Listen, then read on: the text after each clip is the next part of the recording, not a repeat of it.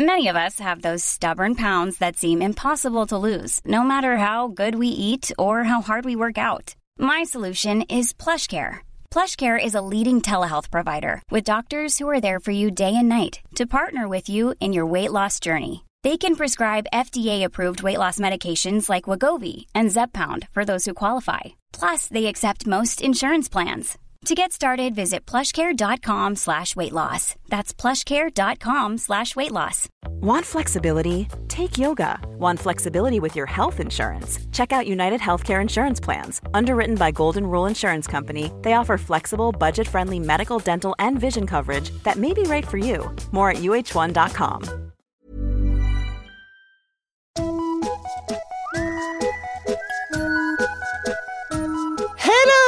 Hello kids och välkomna tillbaka till podcasten Mina vännerboken. Pang sa det på Patreon-sidan. Följande gäng ska få en egen fråga i podden framöver. Simon Rudberg Jönsson, Lars Lundström, Robin Lind, Felix Ravila, Alexander Svensson, Robin Westerlund, Jenny, Fred Balke, Kristoffer Åström, Mikael Wester och Max Ronneland. Jag är eh, så fruktansvärt eh, tacksam för att ni vill stötta det här. Eh, det är sjukt. Eh, I talande stund så sitter jag på en eh, klippa på Kroatiens kust. I, det spelar ingen roll. Och smuttar på en eh, ja, semester. Det här är alltså lite förbandat, så frågorna era, de har en liten fördröjning som jag har nämnt eh, tidigare. Hoppas att ni har överseende med detta. Veckans gäst, eh, kära ni, rattar min personliga favoritpodd Offsides podcast tillsammans med Anders Bengtsson. De båda är chefredaktören för den förträffliga det förträffliga fotbollsmagasinet Offside. Och om någon jävel nu tappade en procent intresse på grund av triggerord som offside eller fotboll, häng kvar. Det här eh, råkar vara en av mina favoritpersoner. Om man, om man nu kan tala i sådana termer om en person som man innan det här aldrig hade träffat. Det, det, får man väl, herregud. Vi spelade in i deras eh, källare, i historisk poddmark för en sån som mig.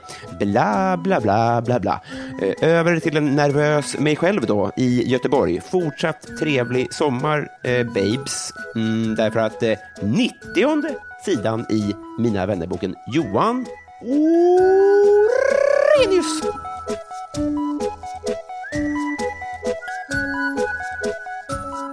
Hej! Hallå där! Eh, eh, jättetacksam och glad att få vara här. Ja, bara roligt att du har kommit till Ja. Göteborg. Jag är i, eh, jag ska ärligt säga det, jag, jag sa det precis innan, att jag är, är lite nervös. Eh, av flera anledningar. Dels så tänkte jag så här, du är ju eh, journalist. Ja, bara det, det gör en ju nervös. Ja, ja men ja. Svar ja. Men också för att så här, eh, jag vet inte hur det funkar riktigt, men kan, ser du direkt så här, jahan, det här, kommer, det här sköter han inte bra? Kan, kan du genomskåda precis som att om, eh, om Melker står i Sibylla-kön, så att säga? Ja, eh, ja, lite skulle jag kanske kunna göra det. Mm. Eh, och eh, då kan jag lugna dig med att säga att något sådant har jag inte märkt. Jag Nej. tyckte bara att du kom in här med en härlig energi. Eh, men eh, det är väl en grej som är dålig på många saker, men som jag tycker att jag kan lite. Att Mm. reg- registrera vad folk gör, deras maner och eh, kanske små tics eller om de har en tendens att säga saker många gånger när de blir nervösa, visst ord eller så. Kan det vara ganska tacksamt att göra när man skriver om personer längre, för då kan man lyckas fånga hur någon är. Det som kan se ointressant ut, att nu använder han det här uttrycket och hela den baletten igen. Det kan man ju inte ha igen nu i texten. Jo, det ska man ha just, för då förstår man att det är något han går till när han är lite pressad kanske. sådär. Ja, just det. Eh, Så generellt sett så är jag ganska förtjust i att sådär smygkika på folk och hur de uppträder. Så. Eh, Men här kände jag bara eh, värme och glädje. glädje. Ömsesidigt. Vad sjukt, för det var inte ens så jag tänkte. För det är ju ännu mer sant såklart, när du säger det. Det jag tänkte var så här, om du kunde avslöja mig som en usel intervjuare på ett väldigt tidigt stadion. Nej, det har jag inte märkt än. Men skulle du kunna göra det? Alltså, så här, du borde väl Men det är en- olika smak också. Jag ska inte liksom säga vad som är rätt eller fel. Man kan ju föredra olika saker. Mm. Vissa har ju taktiken att säga väldigt lite. Mm. Jobba med tystnader för att få den andra att öppna sig och prata. Mm. Medan eh, någon annan är ganska pladdrig för att liksom få den andra att kanske bli bekväm eller så. Det kan ju bero på vad man föredrar. Eh, men generellt sett så är det väl bra att eh, eh, lyssna helt enkelt. Det låter ju som en given sak, men det kan ju journalister vara ganska dåliga på eh, ibland. Och eh, där kan det ju finnas en balansgång mellan att förbereda sig. Så. Jag tror ju på att göra mycket research, men brukar själv inte komma med eh, hundra färdiga frågor. För då låser man sig lite lätt till dem. Och så här, just det, nu ska jag gå vidare med nästa fråga om Champions League här. Och så ska man redan och tänka på den. Och då hör jag inte riktigt vad du säger och missar kanske något jätteintressant spår eller så. Och så hatar man sig själv när man skriver ut intervjun sen för att missa olika saker. Eller så. Ja, just det. Eh, så det är väl bara det generella tipset, att vara förberedd men att vara närvarande så man kan svänga om om det tar en helt annan riktning. Så. Ja, just det. Så jag försöker tänka på det. Jag skulle gissa att min inriktning kommer att vara eh, fjäskande och avbrytande. Ja, men det är ju tacksamt för, för, för mig. det är något i alla fall. Eh, men, och, eh, dels är det ju eh, de, två sakerna då, eh, om man ska bena upp varför jag är nervös. Eh, det tredje är, lång historia kort då, men du- du var gäst i eh, våran podcast eh, Kolla Svensken, och det har du varit två gånger tidigare. Ja, just det. Eh, och då, så, eh, då ställde jag en fråga i, för jag var inte med då av olika skäl. Men då ställde jag en fråga i vårt kommentarsfält där lyssnarna kunde ställa frågor. Och då, då skrev jag så här, eh, vem, vem är hans kändiscrush? För han är min. Oj! Men Marcus valde att ta bort den halvan, utan jag kom bara in på Ja, att, eh, att din, din kändiscrush var då eh, Annika Norlin. Ja det fick jag eh, pressa fram där. Ja. Men det, det, vi är överens där också. Ja. Det bara var som att du svarade rätt på alla frågor där också. Men det är lite sant. Jag tycker jag är väldigt förtjust i det du och ni eh, gör och sånt där. Och som Ja. kan ju också göra nervös såklart. ja, såklart. Men vad kul att höra. Jag får försöka eh, göra dig så lite nervös jag kan. Men det är ju bara, bara skoj. Ja. också säkert usel intervjuteknik att sätta någon på pottan på det sättet. Men det, Också svårt i text sådär kan ju det bli eh, svårt att skriva ut. Att jag tycker du är väldigt bra, tack. det, det är liksom inget som läsarna riktigt prioriterar kanske. Ja. Men det är stängd fråga. Så, ja. ja, det är knappt en fråga. Det är bara, Nej, ja. konstaterande. Trasslar ur det här. Ja. Nej, men jag blir glad av att höra det. Ja. Eh, det, så då, då har, om lyssnarna anar ett, ett samband och sånt så vet de i alla fall eh, hur landet ligger helt enkelt. Ehm, hur, hur, hur är det fatt? Eh, det är väl fatt ganska bra. Vi sitter ju här på i huset där Offside håller till. Och, eh, eh, just där vi sitter nu är en källare där vi brukar spela in vår podd då, en gång i veckan. Eh, den har ju ganska många lyssnare, men är ju något som vi procentuellt gör eh, rätt lite om man jämför med eh, hur mycket tid vi lägger på att göra vår tidning. Så, där. så det är den som jag ofta sitter och pular med. Och Just det det. gör jag här uppe nu också för att hinna kunna fira midsommar. Vi spelar in precis dagen före, eh, så ska jag försöka rensa lite grejer från bordet. Just det. Eh, Det är, det är som sagt eh, dagen före eh, midsommar och det är idag också Sveriges sista gruppspelsmatch i fotbolls-VM. Mot USA, ja. Exakt. I, om, om, om, eh, i, om, du- om man jämför med förra årets fotbolls-VM, när du till exempel var på plats, hur mycket VM-feber har du? Eller i grader, du får säga hur Ja, du vill. det är klart att du påverkas ju av att vara på plats till att börja med. Min kollega Anders har ju varit eh, under gruppspelet och vår fotograf. Så vi har varit där, men jag har då inte varit där utan har jobbat med annat eh, här hemma. Eh, och då blir det ju tv-stämning. Liksom.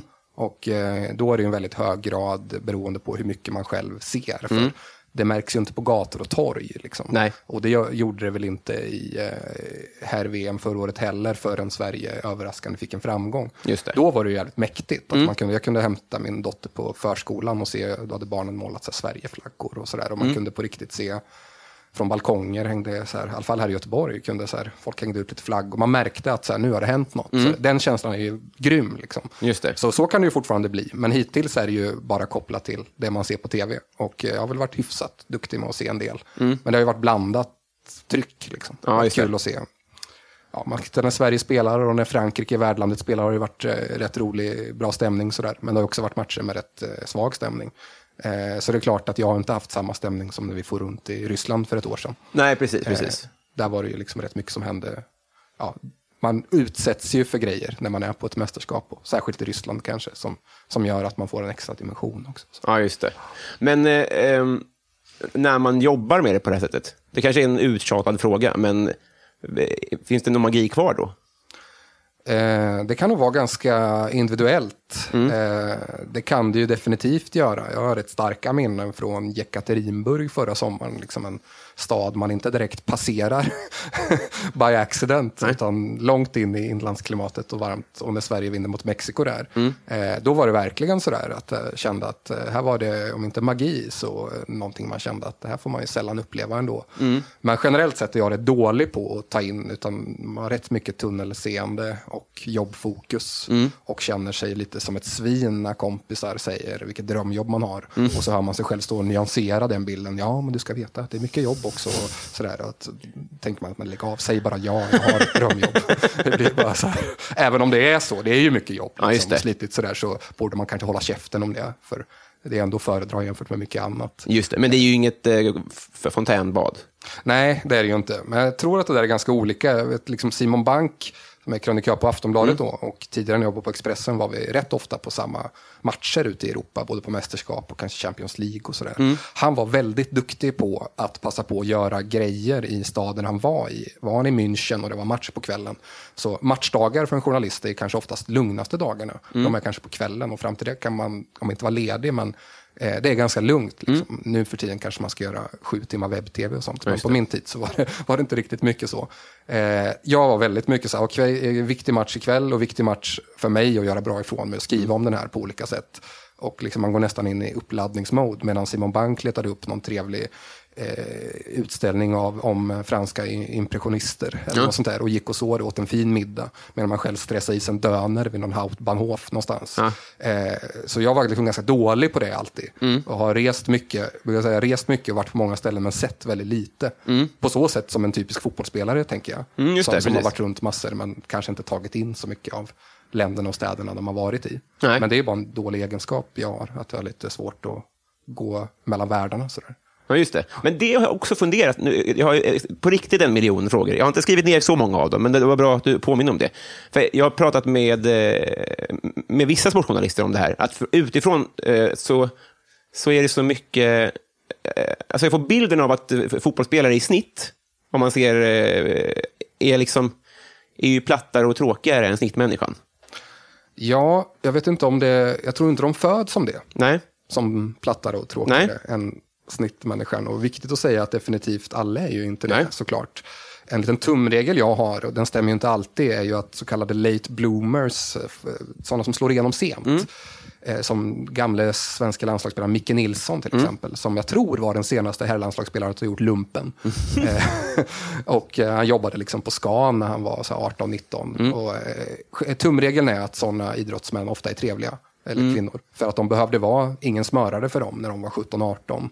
Och de hade kanske haft ett sommarjobb en gång i tiden. De behövde vara som vem som helst och föra sig. Eh, såklart, jag pratar i generella termer, Mm, men gud. ofta gäller det ganska bra. Tennisspelaren Jonas Björkman var lite samma sak. Så Mm. Att eh, de, är, de känns liksom lite oförstörda på så sätt. Medan vissa kan man ju bara räkna bort, som Ronaldo och så. Som, det är barnstjärnor som Mm. vi pratar om. Och det, har de, och det är inte bara inom fotbollen som barnstjärnor ofta blir lite uppfuckade i huvudet. Nej. Jag tror att man mycket väl skulle kunna bli det själv Mm. av att liksom få allt ljus på sig som 15-åring och eh, betraktas, sättas på en pedestal redan då. Det kan Mm. inte vara nyttigt för någon. Liksom så. Eh, men ofta är det väl kanske så att de är, ja, lite plattare och eh, lite mer autopilotiga ju högre upp man kommer i, eh, i nivån helt enkelt. Är fascinerad av han som är reporter på Viasat, eh, Johan Kücükaslan, vars jobb då är att åka runt och intervjua Premier League-spelare och tränare. Det ingår väl i deras roll som sändande bolag tror jag, att de får eh, lite intervjuer. Och eh, han har ju berättat det, att det är en väldigt stark känsla av att de sitter ju där bara av plikt. Ja. Och de kan komma en timme sent, ber inte ens om ursäkt och sätter på autopiloten. Det är klart att det kan finnas undantag, men, men ofta är det så. Eh, och jag kan inte fatta, hur står du ut? Liksom? Och det är ganska svårt när de är så liksom lite förstörda av att de har inte, inget intresse av att samtala. Nej. Jag brukar säga det ibland, om vi imorgon skulle erbjudas att vi får en halvtimmes intervju med Messi, vad ska vi göra av det? Nej. Så här, eh, så här, vi skulle inte säga nej, vi skulle försöka komma på någonting att göra. Ja. Men det är ju svårt att tänka mig att det blir en spänn, ett spännande, spänstigt samtal. Nej. Så. Utan det får man ju snarare med kanske någon från superettan eller Ja, från det. damallsvenskan eller sådär. Då får man nästan försöka bränna den bron kanske då. Ja, kanske. Eller då måste man nästan kanske gå dit med liksom en tanke att nu ska jag chocka genom att här, ta upp det här oväntade ämnet. Men Ja, det just kan det. ju också bli pajigt. Men, men ofta är det ju så här, ju högre upp man kommer, desto mindre ovilliga är de som sitter vid andra sidan och samtalar med en. Ja, För det. att det är så sällan de behöver göra det, och de har inget intresse av det, med några undantag. Därför blir man ju väldigt glad de gånger när någon visar sig vara schysst. Ja, just det. Men, och jag ser det lite som, alltså så här, det du sa om Viasat är ju ett, ett koncentrat och det är ju inte representativt, men lite så ser jag det utifrån på något sätt.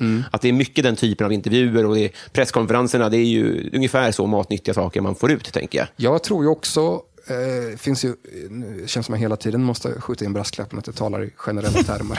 Det löjligt. Ronaldo blir rasande för Men det. ofta tycker jag de bästa på, de, de som är bäst på det de gör, oavsett om det är fotboll eller eh, musik eller Mm. vad det nu kan vara, är inte alltid så bra att förklara eh, det de gör. Nej. Mm. De bara gör. Liksom.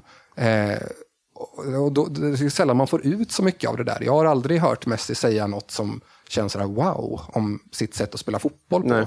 De vill man se spela för att de är så fantastiska eh, artister. Mm. Liksom. Men när de ska beskriva det där, då är det nästan roligare med någon som har en verbal förmåga eller en tes och göra det. Mm. Så, att höra dem själva prata om det blir sällan särskilt intressant. Mm. När, när han Kücükasli, han är ute och träffar de här Premier League-stjärnorna, ibland lägger han ju ut lite sådär, vet inte om man ska kalla det för bortklippt eller bloopers, men eh, det kan vara exempel på, det visar ju på att han har rätt skön självdistans på en stel stämning. Mm. Det brukar komma små videoklipp på där han går med kanske Nilsson Lindelöf på en väldigt krystad liten promenad på Uniteds träningsanläggning och hur är formen? Och, är fint här ute? Ja, de har nog klippt idag. Och så här, här.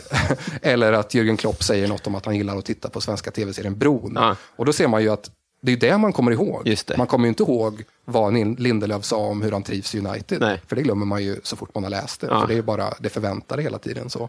Och det säger väl något också. Skulle man sitta med Messi skulle jag ju vara mer nyfiken på vad han, vad han har för favoritgodis. Liksom. Ja, just det. Sådär. Han gör ju, eh, han gör ju någonting av det verkligen. Ja. Det får man ju säga. Ja, verkligen. Eh, eh, eh, på det temat då. Eh, jag såg ett klipp igår som jag har nästan glömt bort lite grann, men det är när Zlatan träffar Grynet. Ja, just det. Ja. På, på Amsterdam Arena sitter de och fikar och, och hon läser en dikt och han är så himla medgörlig och snäll. Mm. Eh, men vad hände där tror du? För att han har ju gått från att vara Micke Nilsson till att bli Ronaldo. Förstår du vad jag menar? Du menar att han var så bjussig där? Ja, precis. Och han var ju det. Jag kommer ihåg att han var på Fotbollsgalan och Annika Lantz sa, skojade att han kom från Lilla Sportspegeln. Och så här. Då var han liksom... Alltså, jag vet inte om han upplevde att han blev bränd, eller förstår du frågan? Ja, det har han väl säkert upplevt eh, i olika sammanhang. Så, dels var han ju ganska ung där, det här var väl Ajax-tiden. va? Mm, precis, just Eh, det. Så jag vet inte om han fortfarande var tonåring eller 20, så han var väl lite mer oförstörd helt enkelt. Ja. Men, men jag har sett Zlatan även på, långt efter det, eh, även kunna vara på ett sånt eh, soligt humör. Jag har sett honom liksom vara på väldigt många olika sätt. Är det så? Alltså? Ja, men det har jag, jag gjorde några intervjuer med honom, framförallt när han spelade i Serie A i Inter. Eh, tog sponsrade intervjuer, eller på att säga, men det var väl i regi av Nike tror jag. Eh, och eh, med att man skulle ställa någon fråga om hans nya sko och sådär. Eh, vilket var, kanske var lite journalistiskt problematiskt så här i efterhand, men det tänkte inte jag så mycket på som Nej. ung reporter då. Men då vet jag sådär att eh, nu var det bestämt och han visste att det här skulle bli av och vi skulle ha en halvtimme eller något sånt där. 25 minuter kanske det var. På klockan verkligen. Det är ju en stressad situation för en som reporter. Om man har liksom en chef hemma som så här, du måste få ut det och det och det och det så vi kan göra den och den och den vinkeln. Och så har man 25 minuter. För normalt under intervju lägger man kanske rätt mycket tid, särskilt när vi på offside är ute, som tillbringar lång tid med personen. Ja, det här var under offside alltså? Nej, det här var på Expressen-tiden. Men- Mm. och, då, och man skulle liksom ro hem en massa vinklar. Och du vet, han var ju så populär och viktig för kvällstidningarna, inte bara för sin fotboll, utan han är, var kanske Sveriges mest kända person. Mm. Och var så här, "Ja, ska de ha barn igen? Du vet, mycket saker som inte bara har med fotboll att göra. Just det. Man är rätt stressad och man ser den där klockan ticka. Man kommer dit och är ju, om du var nervös här så var det inget mot vad jag kände mig då. Och då hade jag aldrig träffat honom tidigare. Men när han kom då så var han liksom verkligen sådär leende från öra till öra. Och om det inte var en high five så var det i alla fall en sån här bro hälsning. Du vet, the arm wrestle handshake. Så här bara, hur är det? Är det bra? Är det bra? Jag minns att han frågade, så här, ja det är bra. Är det bra? Frågade han igen då, kommer jag ihåg. Jag minns att jag blev lite tagen av det. För jag hade väl också lite bilden av att ja, han är ju tvär, liksom, så Ja, kan tända till. Så. Men då hade han väl, var väl bekväm med att det här var uppstyrt och nu ska jag komma här och ge 25 soliga minuter. Ja. Och sen har jag sannerligen sett honom och vara på sämre humör också. Men han har sidan att när han känner för att bjuda till så kan han nog fortfarande göra det tror jag. Ja. Han har väl suttit och varit lite småbjussig i en del amerikanska talkshows och sådär också. Kommit lite Nåja. Ja. En, tja, en shufflare eller vad det heter. Ja, jag har faktiskt inte sett hela om jag ska vara ärlig. Och det, det är väl för att det alltid är samma frågor om svensk midsommar och Ja, men precis. och de här usla liksom, Sverige-referenserna som, här- som säkert är tacksamma för honom ändå. Ja, jo, men precis.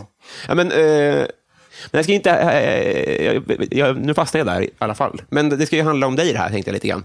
Ja. Åtminstone att vi ska bli polare, tänkte jag. Ja, absolut. Ja. Tankar? Ja. Ja, jag ska försöka vara en Zlatan i Amsterdam 2001, bjussig. Ja, för det kommer ju en, ingen dikt, men en kärleksförklaring i början i alla fall. Ja, Som sagt. ja, det är spännande att den ligger i början. Men det är så mycket som en gisslansituation verkligen. Ja. Det är också låst här. Ja, exakt. Eh, ja, men eh, superbra. Eh, kolla på klockan här. Eh, eh, perfekt är det. Vi, vi, vi ödslar ingen eh, tid. Utan jag, jag drar i jingeltråden och sen så blir vi kompisar helt enkelt. Ja, det tycker jag låter utmärkt. Finemang.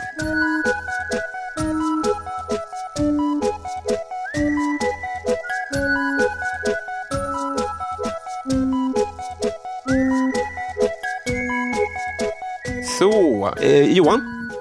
Eh, vad skäms du för att du konsumerar? Eh, vad skäms jag för att jag konsumerar? Det är väl eh, kanske att jag äter så pass dåligt fortfarande. Trots att jag eh, har en, liksom, upp i åldern och begynnande, en kropp som inte förfaller men långsamt går eh, mot ett sämre håll i alla fall. Så har jag förtvivligt svårt att ändra mina vanor vad gäller typ det. Eh, jag var faktiskt med i så här, Aftonbladets Vi5, vet du vad det är? Ja, just det. På sista sidan. Ja, precis. Den var väl för otroligt läst skulle jag tro under papperstidningarnas heydays. Så. Eh, men då fick jag just frågan, tänker du på vad du äter? Ja, och det passade på så sätt bra, för det är något så här som jag emellanåt kan ha lite ångest för. Att, jag är så, att jag aldrig klarar av att lyckas skärpa mig lite med det. Ja, just Så. det. Så du jag- tänker jag- på att du inte tänker på vad du äter? Ja, man gillar snabbmat väldigt mycket. Och Ja, mat just som är liksom rätt dålig för en. Och eh, försöker, när jag är snäll mot mig själv, tänker jag att jag inte har allt för många dåliga laster, att jag väl får undan mig det. Men visst, ibland så hatar man bara sig själv över det där. Ja. Lite dålig på att jag kommer inte ifrån det beteendet. Liksom. Nej. Men så det, det, det är väl lite det då. Senast igår stod jag och, på vägen hem och tog en kebabtallrik i farten. Liksom nästan innan jag väntade på spårvagnen. Och då efteråt mådde man inte som en prins. Liksom. Nej. eh, Messi eller Ronaldo? Nej, det får ju bli Messi. Mm. Eh, av flera anledningar tror jag. Jag väljer ju ingen av dem om frågan är liksom, skulle du fira midsommar med någon av dem? Nej. Jag tror inte det är så kul på något sätt. Kanske Ändå, ändå, om man får chansen. Ja, du ja, ja, jo, om man får skriva om det också. Just det. Ja. Du, du får fira midsommar, men sen, men sen är det ett embargo som gör att du inte får prata om det här någonsin igen. Då är bangar du. Ja, det tror jag. Vad ska jag då med den midsommaren till? Men menar det- kan jag bli galen av att inte få berätta om Ja, det hur det såg ut. kommer dö av det. Ja.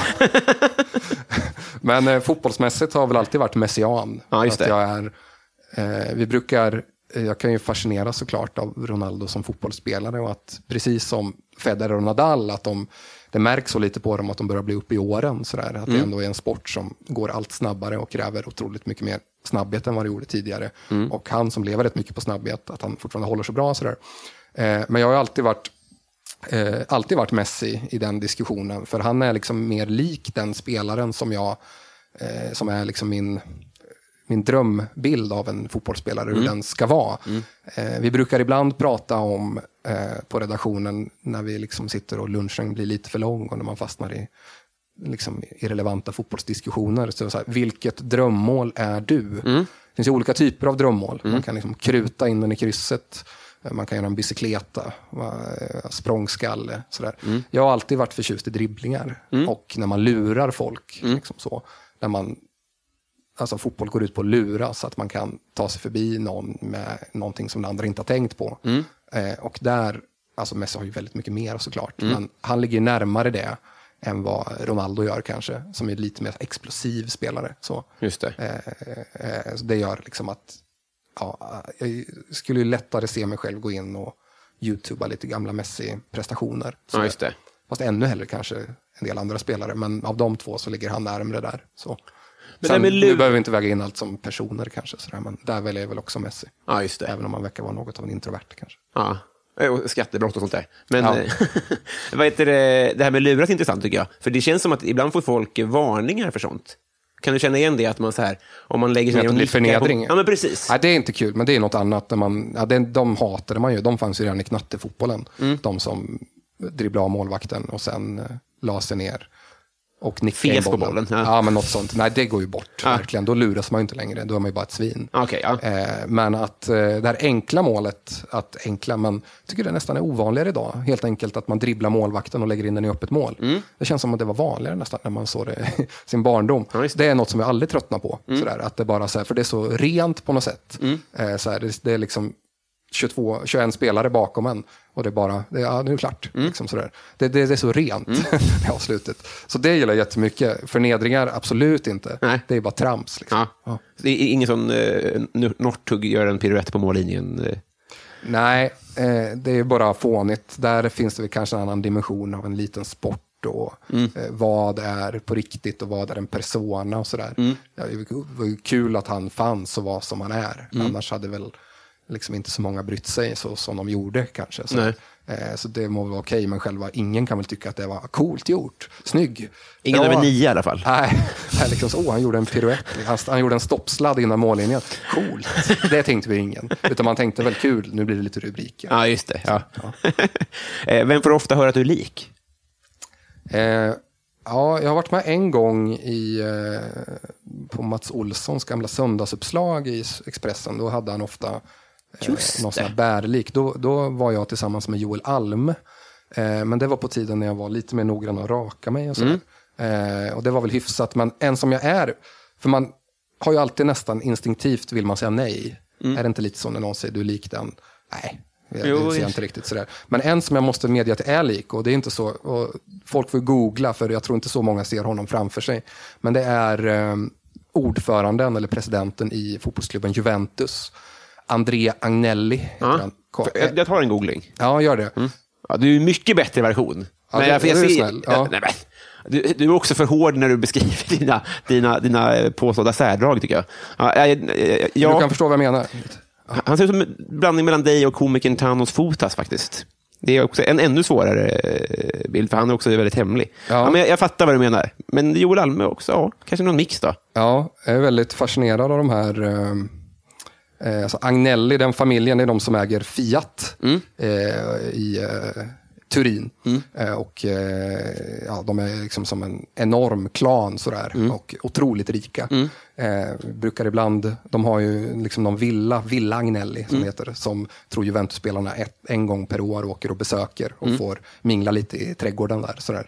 Men en dröm är ju att någon gång få vara på en sån, sådär, italienska ägarfamiljer och deras villor. Eh, det hade man kunnat ta en vecka. Det är, det är också befriande, eller det är, det är fascinerande med, med de här människorna som är så rika att de inte behöver visa det just. Ja, precis. Ja, han ser ju slafsig ut. Eh, och ju, ja, just därför. Kamprad. Ja, precis. Ja, ja, Kamprad utstrålar lite mer strävsamhet än vad den här killen Ja. gör kanske. Sådär. Men eh, att de är, ja, de är vet att de får allt de vill ändå, Ja. liksom, på något sätt. Behövs inget backslick. Nej, men jag tror att han är en person som unnar sig mer än vad Kamprad gjorde. det han satte väl ja. en ära i att liksom själv föregå med gott exempel vid julavslutningen genom att bara just dricka kaffe och pepparkaka. Jag tror det stod just så i singular att eh, så är det bjuds på kaffe och pepparkaka. så. Jag tror att det är lite mer frikostigt fika på Villa Agnelli. Ja, just det. Men det lär väl vara också utåt med Kamprad, om jag har hört rätt. Att Han ja, hade menar att han lyxbil. var en jacuzzi-människa när ingen såg på? Ja, men för då kanske han fick... Jacuzzi, gammal referenser. Han fick, eh, alltså han fick sina arbetare att ta pepparkaka innan han själv tar pepparkaka. Mm, sen gick han in på lagret och bara mölade i sig. Tryckte i sig en jacuzzi. eh, när var, har du vunnit en tävling någon gång? Eh, ja, men det har jag gjort. Jag har vunnit eh, rätt många tennistävlingar. Jag tävlade rätt mycket och satsade lite när jag var eh, barn och tonåring. Typ. Eh, la av när jag var 17 ungefär. Eh, då vann jag en del. Så Jag har lite sådär pokaler från Orrefors Cup och Katrineholms Sportcentrum Cup. Och Sådana, sådana ställen. Men har du något, eh, hade man ranking då? Ja, det är det som är speciella med, eh, och det var dåligt för mig att man hade ranking. Man fick det väldigt tidigt, när man var 11 typ. Så kom det en stor bok hem och så stod det alla Sveriges tennisklubbar och alla som hade licens. Och så stod det så här, pojkar 11, ranking i Östergötland som jag kom ifrån, och sen ranking i Sverige. Och, Va? eh, ja, man vara sämst? Ja, absolut. Eh, liksom, och det är ganska speciellt då. Och ändå, jag blev besatt av den där boken. Liksom, så här, jag är rankad 15 i Sverige nu. Eh, och det var rätt dåligt för mig. Tror jag. Man är inte så jäkla mogen när man är 11 eller 12 år. och tennis är en rätt märklig sport på så sätt att man går ut där på en bana, matchen kan hålla på i tre timmar, man har ingen tränare.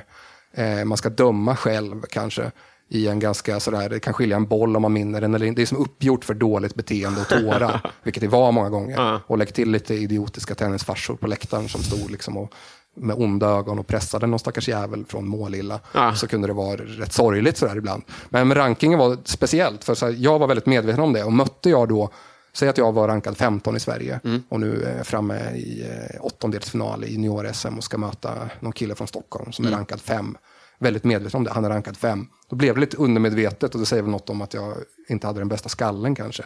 Men att då blir jag nästan lite undermedvetet nöjd med om jag bara förlorar med lite snygga siffror. Ja, ja. Så här. För att folk kommer ändå, någon annan går förbi och säger, ah, den där killen från Motala, han pressade ändå Jonas Höglund där lite. 6-4, 6-3, det är bra. Hade jag inte vetat att han var rankad, om vi inte hade haft ranking, så hade jag kanske haft en bättre chans att vinna, för då hade jag, inte, då hade jag bara kört på. Liksom.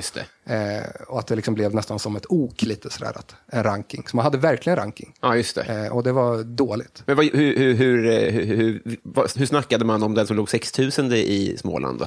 Ja, den snackade man väl inte om. Inte? äh, det känns väldigt deppigt. Ja, ja, ja, precis. Hur hade de det? Ja, Liksom han var inte på SM i och för sig. Nej, men de var ju sådär, hade man, det var ganska många som delade på en jumboplats. Ah, okej, hade man liksom lägsta skönt. rankingpoäng, så man behövde inte stå där längst ner som ensam, stackars sådär, Pelle Svensson, Nej. eller vad det var. Eh, men det kanske var ett helvete för dem också. Sådär. Det låter inte som en, en eh, motivator i alla fall. Nej, också neråt liksom. Om man mötte någon som var lite lägre rankad Ja, så är det. jämnt och så här, fan, han är ju rankad lägre än mig, fan, jag håller på att förlora här. Liksom. Ja, panik, panik, panik. Sådär. Eh, tänker alldeles för mycket. Det är också något som är gemensamt för många av dem som går längst, att det känns som att de inte har grubblat så mycket. Nej, just det. Jag tror en tillgång, apropå de där, om jag menar då att de ofta är lite dåliga på att förklara varför de är bra. Mm. För det var sådana som jag som grubblade på varför min backhand satt bra idag, eller, Mm.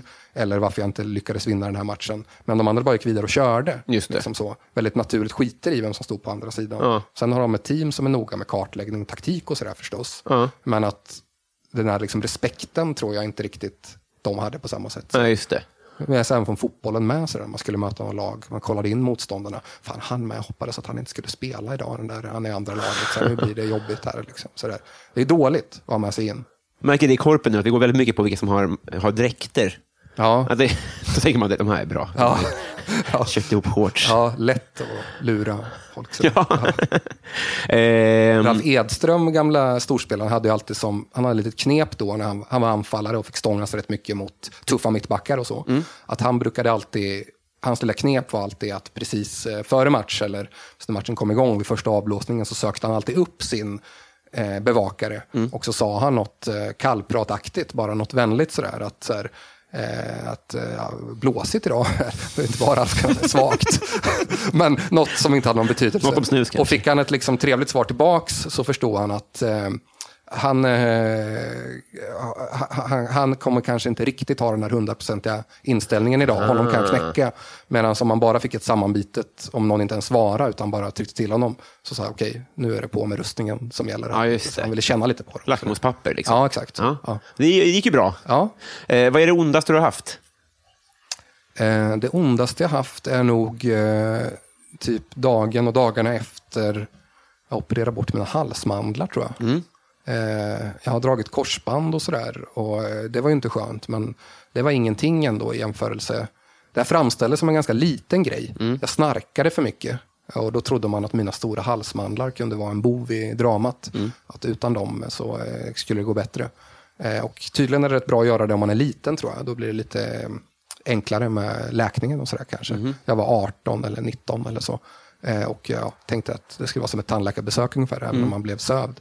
Men det var inte kul. Efter man hade två liksom enorma sår i halsen, jag vet inte om det var en dålig operation, men, men var, man skulle försöka få i sig någonting och äta eller dricka var eh, inte kul.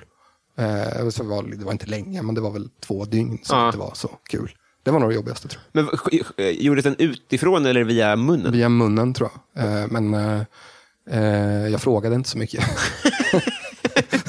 men jag sövde i alla fall. Ja. Så det måste väl varit, vad skulle det annars varit? Att ja, de gjorde, de gjorde ett snitt, men nej det gjorde de ju inte. Det skulle jag ju veta. Det är superfarligt Ja, också. nej, via munnen. Ja. Eh, absolut så. Men nej, det var nog det tror jag. eh, eh, vad tycker du om ditt namn? Mediokert är det väl. Eh, tråkigt i min generation. Eh, vi var fyra Johan i min mellanstadieklass. Eh, var liksom vanligaste namnet i min generation nästan tror jag. Eh, jag skulle ha eh, hetat Axel egentligen, eh, men mina stora syskon tyckte det var ett töntigt gubbnamn. Man ska aldrig, fatta inte hur mina föräldrar kunde, barn ska inte få bestämma namn. Liksom. Så, så då föll de till föga och så blev det Axel som andra namn och så tog de det lite mer tråkiga Johan. Så jag, jag har väl, jag känner inte så starkt för det. Nej. Aldrig, eh, ja, aldrig så att jag kände, jag vill heta Kevin istället. Nej, just det. Men, Utan jag accepterade mitt namn. Men jag hade smeknamn rätt mycket, sådär, så det var inte så mycket Johan. Johan lät väldigt formellt. Det var något man sa när man hälsade på, man på juldagen åkte och hälsade på sin morbror och tog i hand. Sådär. Hej Johan. Sådär.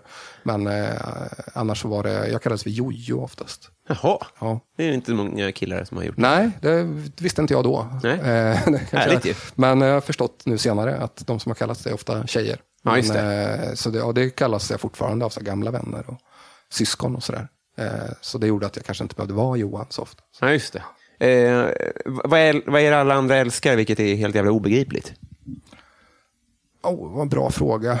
Eh, jag var inte så det kan ju, det- Man går ju till triviala saker som en hyllad tv-serie eller något sånt där som man själv inte fastnar för. Tråkiga sådär, liksom så att jag förstår aldrig storheten med bron till exempel. Nej. Men det är ett lamt svar. Och så, så kan man, ja, tyckte ni den filmen var bra? Det tyckte inte jag. Vad konstig han är. Så, det, det händer ju hela tiden. Ja, just det. Men det, det är där man ofta hamnar här. Det är inte så Ja, konstigt. ja, men jag tänker vad mer kan det finnas? Kan inte du hjälpa till lite? Det kan ju vara med mat eller eh, oliver tycker jag är lite konstigt att folk Mm. gillar så mycket. Eh, och soltorkad tomat. Ja, just det. Eh, jag tror att det har att göra med att det är smaker som tar över rätt mycket. Ja, just det. Mm. Och då smakar det bara det. Tycker jag. Men det är nog för att du är... Jag tänker, allt som man inte tycker om i matväg nästan, upplever jag är en vuxen grej. Alltså när barn tycker om pannkakor och spaghetti. Ja, precis. Men det kan vara lite mer komplex också. Man kommer på vuxen ålder känner man att jag är en vuxen man nu. Ja. Då kan jag inte hålla på och inte gilla oliver. Ja, precis. Så, så att det också är något man lite skäms över. Ja. Så det är inte något jag går och skyltar med. Jag tycker att folk är konstiga. Man fattar väl att det är man själv som är det. Ja. Men på sin kammare kan man ju tänka så. det vore skylta med det, var roligt. Ja, ta den fighten. Eh, vad gör dig orimligt arg? Eh, olika ljudkällor. Mm. Eh, så jag ska förklara det här. Men eh, när... Jag har ganska, på så sätt, jag har liksom lätt gå in i koncentrationsmode, det är bra när man skriver och sådär. Mm. Eh, men har väldigt svårt när det sker på olika ställen. Om jag ska se en film eller en fotbollsmatch eller någonting som jag sett fram emot att se. Mm. Eh, så kan jag bli ganska störd när fokuset bryts av att folk eh, börjar prata om annat eller ve och fasa slår på lite musik eller något sånt där. Men det, min, min pappa är helt okänslig för det. Det kan vara liksom att på morgonen om man är hemma och hälsar på och radion står på eh, och så sätter han på tvn högt. Eh, då blir jag orimligt arg. Han får gärna sätta på tvn om man stänger av radion först. Eh, men när det sker så här från olika så man inte kan lyssna på någonting. Eh, det, det gör mig just orimligt arg. För jag hör ju när jag pratar om det att det inte låter som så farligt. Men det första jag gör nästan varje morgon är att gå... När, när saker är på som man inte riktigt hör. Också. Eh, Jag brukar gå upp på morgonen något efter min fru och då hon varit i badrummet och då brukar hon ha på radion där tror jag medan hon liksom gör sig i ordning. Och sen så, jag tror hon brukar ha på den på sin telefon. Och sen går hon till köket, då ligger hennes telefon kvar där och radion är på. Och den är på så lågt så man hör att det är en radio som är på, man hör inte vad hon pratar om. Då får jag nästan panik när jag kastar mig fram och stänger av den direkt så.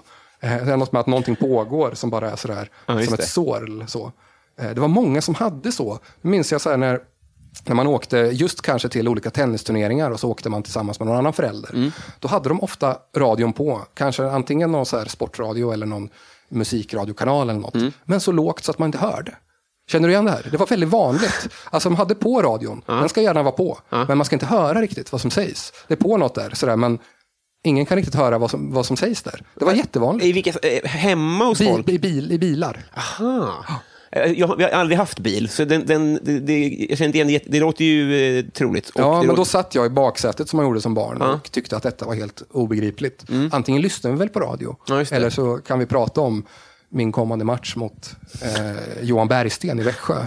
så, så här, att, eh, det, var, det kanske var ett Smart sätt att undvika. småstadsfenomen, men så här, varför är radion på? Eh, så, så här, konstiga ljudkällor, olika ljudkällor. Ja, just det.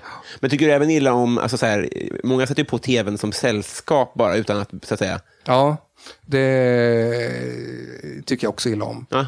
Eh, att när jag tittar, och jag kan inte liksom, just sådär med, som småbarnsförälder, så om man vill se lite fotbollsmatcher på tv, Mm. så kan det vara en rätt svår kombination. Att jag har aldrig kunnat, eh, jag skiter hellre i en match än att se den lite halvt. Mm. Sådär. Eh, utan då ser den hellre i efterhand sen. Eller något sånt där. Ja, just det. Eh, men så här, jag har aldrig, dålig, jag har väl dålig simultankapacitet helt enkelt. Slår det mig väl nu. Så, för så har det varit. Jag kunde bli imponerad av min och fascinerad av min fru när, eh, som kunde liksom sitta och halvläsa en bok samtidigt kanske som vårt barn leker eller gnäller. Mm. Eller lite så här. Och sen, ja, ibland gör man något med barnet, sen läser man någon sida. Jag kunde bara ta upp boken när liksom, Mm. hon hade somnat och nu går det att läsa bok. ja just det. Så det är väl på ett sätt lite dålig simultankapacitet helt enkelt. Så egentligen är väl mig själv jag är arg på kanske. Så. Jag skulle liksom ägna mig åt någonting fullt ut. Ja, just det. Så. Jo, jo, det, jag känner igen det också såklart. Men, men jag, jag hade inte gått upp och stängt av hennes telefon. Tror jag. Den, den känner jag inte igen så mycket. Nej. Men så det låter ju... Eh, ja. Jag stänger alltså inte av den för att vara taskig mot henne, Nej, för hon har slutat Nej, lyssna. Men, men utan för att jag vill inte börja min dag på det här sättet. Nej, precis. har du varit i Rom med alpin? Eh, nu måste jag tänka. Det har jag inte. Eh, jag skulle ha varit det. Mm. Vi gick en skolresa dit eh, när jag gick gymnasiet. Mm. Så här, bara över dagen tror jag. Buss upp till Borlänge. Det är väl Borlänge Ja, någonstans? va? precis. Eh, vi skulle åka och jag tror jag blev sjuk. Nej. Så jag missade Roma alpin. Och har sedan dess aldrig eh, tagit chansen att besöka det. Så jag har inte varit där. Vilken Madicken-historia. Ja, precis. Fast Madicken fick, du menar någon får hjärnskakning och missar skolutflykten? Ja, precis. Ja, just det. Men hon får ju då ett plåster på såren, väldigt mycket presenter av sin mormor. Ja. Det fick ju inte jag. Inte-. Jag fick ju se om ombytta roller för 17 gången på VHS, vilket jag i och för sig var okej. Men... Eh, vi har kommit fram till Patreon-frågorna. Det här är, är mina kära eh, lyssnare som har stående frågor här. Ja. Så vi, vi, vi drar igång helt enkelt. Eh, vi börjar med Kristoffer Aspling som undrar favoritfilm. Oh, Kristoffer Aspling. Eh, sådana frågor får man aldrig riktigt ställa, för då eh, ska det vägas för och emot och sådär. Eh, jag tror kanske, om man ska ta en film som jag har sett om många gånger och i vuxen ålder får det väl ändå räknas som. För liksom som barn tog man det som bjöds på något sätt. Vi hade liksom tre inspelade filmer hemma och de såg man hela tiden och lärde sig att gilla dem. Ja. på något är mer nyfiken på de tre, men han ska väl få svar då. Ja, jag kan säga de tre. Det var ju ombytta roller med Eddie Murphy och det var nog också en Prins New York med Eddie Murphy tror jag. Och så var det eh, Det våras för stumfilmen av Mel Brooks. Ja, ja. Eh, som är definitivt har sina förtjänster. Men som man, den är ju lite absurd och som sjuåring var den lite konstig. sådär, liksom. eh, jag väljer nog kanske inte någon av dem. Eh, om jag ska vara lite allvarlig. Bästa film i vuxen ålder. Det skulle kunna vara Magnolia kanske. Det gillade jag väldigt mycket. Eh, den har kanske, den har verkligen inte sett så här 20 gånger, men kanske tre gånger. Den är ju rätt lång och det är ju inte alltid man hittar tiden. Liksom. Ja, just det. Koncentrerad när jag ser den. Men eh, jag tar något ur, ur hatten av, av filmer jag gillar väldigt mycket. Mm. Och då låg den närmast till hands. Sådär. Den får en att tänka till i alla fall. Liksom. Mm, det ska jag se. Ehm, Shots och Tjena Tjena undrar om du betraktar dig själv som vuxen. Det beror på sammanhang. Mm. Eh, kan ju definitivt ha stunder där man inte känner sig som vuxen. Mhm. Kan känna sig väldigt vuxen när man liksom gör i ordning en utflyktsväska till eh, sitt barn Mm. för en förskoleutflykt dagen efter. Så, och planerar i förväg och kan nästan slå en att nu känner jag mig vuxen. Mm. Men jag känner mig väldigt ovuxen när det gäller att kunna fixa saker. Jag, jag är väldigt, väldigt nästan i absurdum ohändig. Eh, kunna montera ihop saker. Kunna liksom lösa saker som uppstår hemma med olika former av eh, små skador i hemmet eller Mm. vad det nu är och känna sig helt handfallen där och få impulsen att ringa en vuxen person. Så, eh, liksom kan ha problem att knyta en slips och sådana saker Ja. som gör att jag inte har för dålig koll på ekonomi och räntor och hur sånt funkar. Ja. Liksom. Där känner jag mig väldigt som ett barn, eller som 20 i alla fall, Ja. fortfarande. Eh, sådana stunder kan jag ha ganska ofta. Liksom. Sen tror jag att jag känner mig känslomässigt vuxen.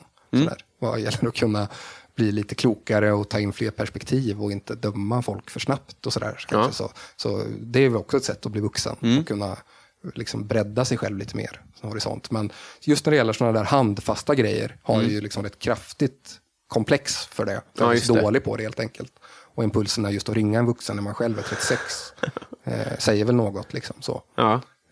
Men jag, alltså, jag, jag, jag, jag tycker om den frågan, för det känns som att den att det, det, det, det går jämnt ut. För om, om, om, man, om man upplever jag tror så här, om man upplever att man kan knyta en slips och sätta upp en hylla och sånt där, då kanske man inte har så mycket barnasinne kvar. Då kanske man tycker att det är det tråkiga med att alltid känna sig vuxen. Ja, det är ju lite taskigt mot dem, för det är en tacksam hållning att ha för oss som inte kan sånt. Och kunna säga att de här är lite skinntorra typer Ja. som eh, inte kan uppskatta bra humor eller något sånt där. Mm. Eh, det är ju liksom ett, ett löjligt försvar egentligen, att det kan de väl visst det. Är man diskvalificerad på det där bara för att man är bra att förstå en IKEA-manual? Nej. det är klart man inte är. Det tror jag faktiskt inte så mycket på. Men det är ju lätt att tänka så, sådär. Man så här, och hör sig själv, man kanske står med någon hantverkare och så försöker man liksom prata på dem på deras språk och hör hur fånig man låter. Liksom sådär. Så här, ska det här fogas eller så här, och muttra bara till svar. Man känner sig liksom jävligt löjlig bara. Sådär. Eh, sen tycker jag det kan vara ganska skönt när man kan ha stunder där man inte känner sig vuxen också. Att inte vara oansvarig, men att om klockan är elva på kvällen och det har varit en rätt körig dag på jobbet och hemma och nu blir det lite lugnt och man vet att man borde väl gå och lägga sig. För eh, det kommer man ju vara glad över nästa dag om man gjorde. Men lite skiter i det och inte för att göra något vettigt utan för att lyssna på musik i lurar och samtidigt spela något bokstavsspel på sin telefon. Fram till klockan blir halv ett och veta eh, när man somnar vid ett att det här var för sent men ändå känna att ja, men det är kanske okej ändå. Du kommer vara lite tröttare imorgon och eh, det var väl inte helt by the book men du kanske behövde det istället. Liksom. Just det. Och så sätt kan det vara rätt härligt att känna att man inte är så jävla vuxen alltid. Så. Ja. Agree. Eh, Järnemyr undrar McDonalds eller Max? McDonalds eh, pommes frites, men eh, Max hamburgare tror jag. Sjukt, för jag åt Max i förrgår och fick... Jag upp, de har ju bättre pommes frites. Ja, är det så? Ja. Ska vi hamna här? nej, nej, nej. Jag, jag, bara, jag, jag äter aldrig sånt. Bara Vad ska jag säga? Ja, det kanske de har. Det är såklart... eh, Ja. Eh, eh, Var hårdare i din journalistkritik, tycker jag. Det, behöver jag höra. ja, ja, precis. Nej, men det är något med, det kanske är en vane. McDonalds var ju liksom det första hamburgerkedjan som jag kom i kontakt med som barn. Så det kan ju ha lite med det att göra. Att så här, ett visst form av lukt i flotten där, som kanske tar den tillbaka. Lite som, eh, inte som den här madeleinekakan som Proust skrev om. Nej. Utan med McDonalds flottig pommes frites tar du inte tillbaka till när man är sju. Nej. Och var uppe och träffade sin kusin och fick gå på McDonalds på Götgatan i Stockholm. Det. Men kanske har någonting med det att göra, att det var det som, man, som mutades in först. lite sådär. Ja. Men eh, Max eh, vegetariska burgare tycker jag är rätt goda. Mm. Eh, så de, de väljer jag i börjarväg tror jag. Deal. Eh, Niklas Wass undrar hur är din relation till alkohol? Eh, jag tror väl att den är okej. Jag dricker eh, sällan mycket, men dricker väl ganska ofta kanske. Eh, att, eh, säg på en vecka så, nu höftar jag bara, men säg att jag dricker fyra eller fem dagar. Eh, men aldrig eh, så att jag blir packad. Liksom. Eller det är klart att det hände, det var fa- länge sedan. Men, men eh, det är väldigt, jag tål väldigt mycket mindre. Jag har märkt det med åren. Sådär, och kan fascineras av, jag tänker på hur mycket vi drack när vi var så 18-19 på förfester och sådär. Och kunde dricka sex stora öl och sen direkt vidare och beställa in fler öl. Och, kanske beställa in en sex on the beach på puben Tre Kronor i Motala. Utan att reflektera alls, bara hör sig själv säga för att någon har sagt en sex on the beach tack. Så, så. Det var enda, liksom, så här, det lät kontinentalt. Medan nu känner jag liksom efter två, tre öl att så här, jävla trött jag blir. Ja. Liksom så, och blir inte så sugen på att dricka mer. Men dricker ofta liksom ett eller två glas vin på kvällen eller ett par öl eller så. Mm. Så hyfsat ofta, men sällan särskilt mycket. Och det är väl okej kanske. Det låter ju superrimligt. Jag gillar inte att dricka alkohol till mat, har jag kommit på. Aha. Jag gillar väldigt mycket att dricka ett glas vin eller en öl, kanske när jag lagar mat. Ja. Och eh, det här låter ju alltid lite alkisaktigt, men den här så kallade väntölen, du vet, som man kanske tar när man väntar på sin, inte vet jag, indiska takeaway. Det är jag väldigt förtjust i. Den kan ju, det skulle en del kunna säga som tragisk, det tycker inte jag alls. Nej. Dels är det ganska skönt att lite som småbarnsfarsa ha tio minuter där man lite har känslan att här blir jag inte riktigt nådd och kan dricka en öl.